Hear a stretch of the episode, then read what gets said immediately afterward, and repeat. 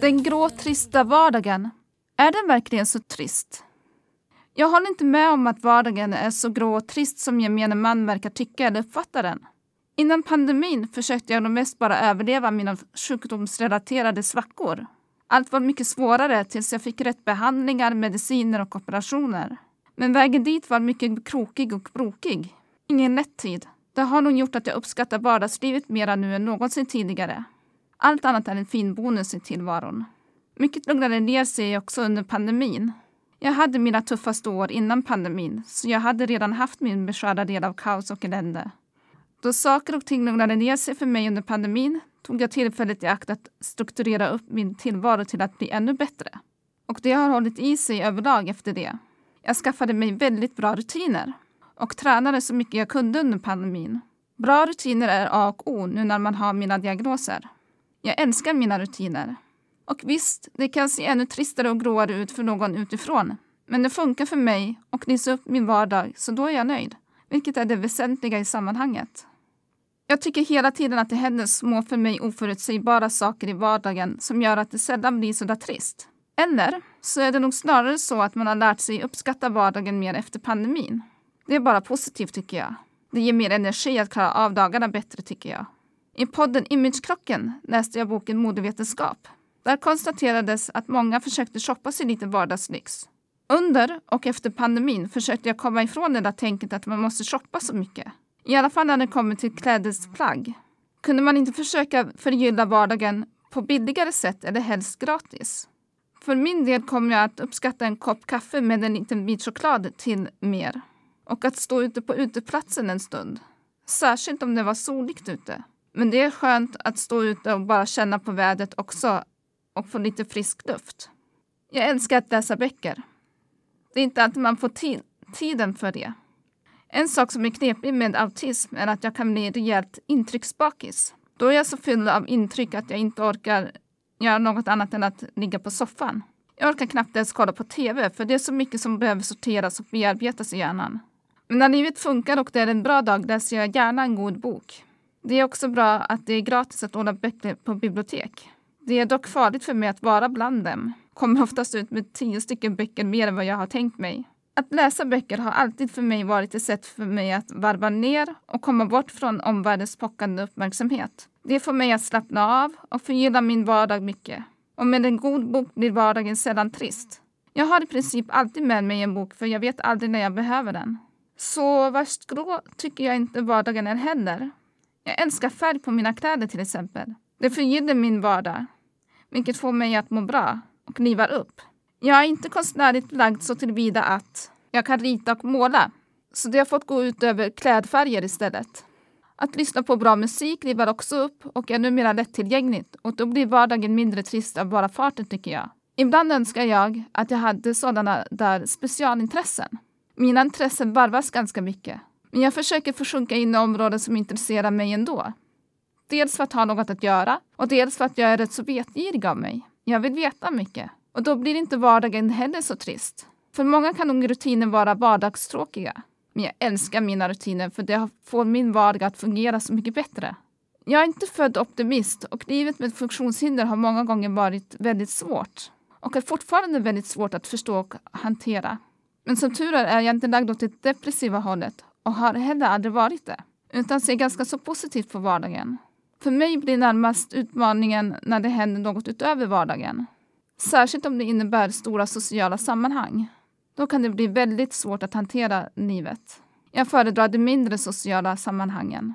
Som jag kommer nämna mer i en annan podd hamnar jag ofta i självhjälpsträsket. Det vill säga jag läser böcker om självhjälp. Särskilt om jag har haft svackor, vilket jag härligt nog inte haft på ett bra tag nu. I de böckerna får man ofta tips och råd hur du bör leva ditt liv för att få ett så bra liv som möjligt. En sak har jag noterat och det är att det oftast är skrivna för personer utan diagnoser så allt fungerar inte på mig. Tro mig, jag har prövat de flesta sakerna de skriver om för att få till en bättre vardag. Även om allt inte funkar har jag dock hittat några saker som funkar. Från aktrörelsen, Acceptance and Commitment Therapy, har jag till exempel hittat en för mig superbra metod att och det är att låta tankar fara som bilar utanför fönstret när det blir för ältande. Då slutar ältandet. Och i Dr. Chatterjees bok Hälsobalansen står det bland annat att man skulle försöka sitta utomhus 20 minuter varje morgon. Jag försöker göra det när jag inte är på Studio Digital och det inte regnar. Då kan man se mig sitta ute med en bok och en kopp kaffe till. Inte så dum metod. Det förgyller också tillvaron. Att ha ett bra boende betyder mycket. Det har jag inte alltid haft. Där jag bodde förut visste folk inte om att jag var funktionshindrad. Det syns ju inte och jag ska inte behöva berätta det för grannar. För det är inte säkert de förstår för det. Nu bor jag i ett område där det är mer acceptabelt med funktionshinder, vilket underlättar. Plus att personal kan hjälpa till vid knepiga situationer eller vid missförstånd. Sådana saker förenklar vardagen för en och det gör att vardagen känns bra bara farten. Bra mediciner, sömn och matvanor hjälper naturligtvis också till att underlätta vardagen. Men vägen till det sistnämnda har inte varit lätt och tro mig, det tar tid att hitta rätt. Och det är helt okej okay att göra misstag så länge man lär sig av dem, tycker jag. Även misstagen och missförstånden blir färre med en bra vardagsgrund. Visst trillar jag fortfarande dit på både misstag och missförstånd. Men en bra vardag underlättar verkligen till att minimera riskerna. Nej, när det kommer till den grå vardagen känner jag verkligen inte igen mig i den. För mina fritidsaktiviteter bidrar ju också till att lätta upp det som eventuellt är grått och trist. Visst drabbas jag också av tristess och leda. Men jag har fått lära mig att med mina diagnoser är det livsviktigt att kunna ha tråkigt också, för att kunna återhämta mig ordentligt. Och som jag sa tidigare, det är inte alltid så enkelt att vara ständig optimist när jag har de diagnoser jag har. Dock har det positiva med en fungerande vardag lett till att jag ser mer positivt på tillvaron överlag. Och därför blir det i alla fall min vardag inte särskilt grå och trist, särskilt när det händer små avvikelser varje dag i planering och övrigt. Idag är jag bara så väldigt tacksam och glad över att min vardag överlag äntligen fungerar. Så med tanke på det så känner jag att nej, för min del är det helt enkelt bara vardag. Jag älskar vardagen, för det innebär tydlighet, rutiner och struktur som får mitt liv att funka bra och en jämn kontinuitet i tillvaron. Nu avslutar vi det här poddavsnittet med låten Framåt av och med Lale. Jag tittar över axeln och där ser jag alla spår. Nu står jag här och väntar. Vad väntar du på? Jag kan bara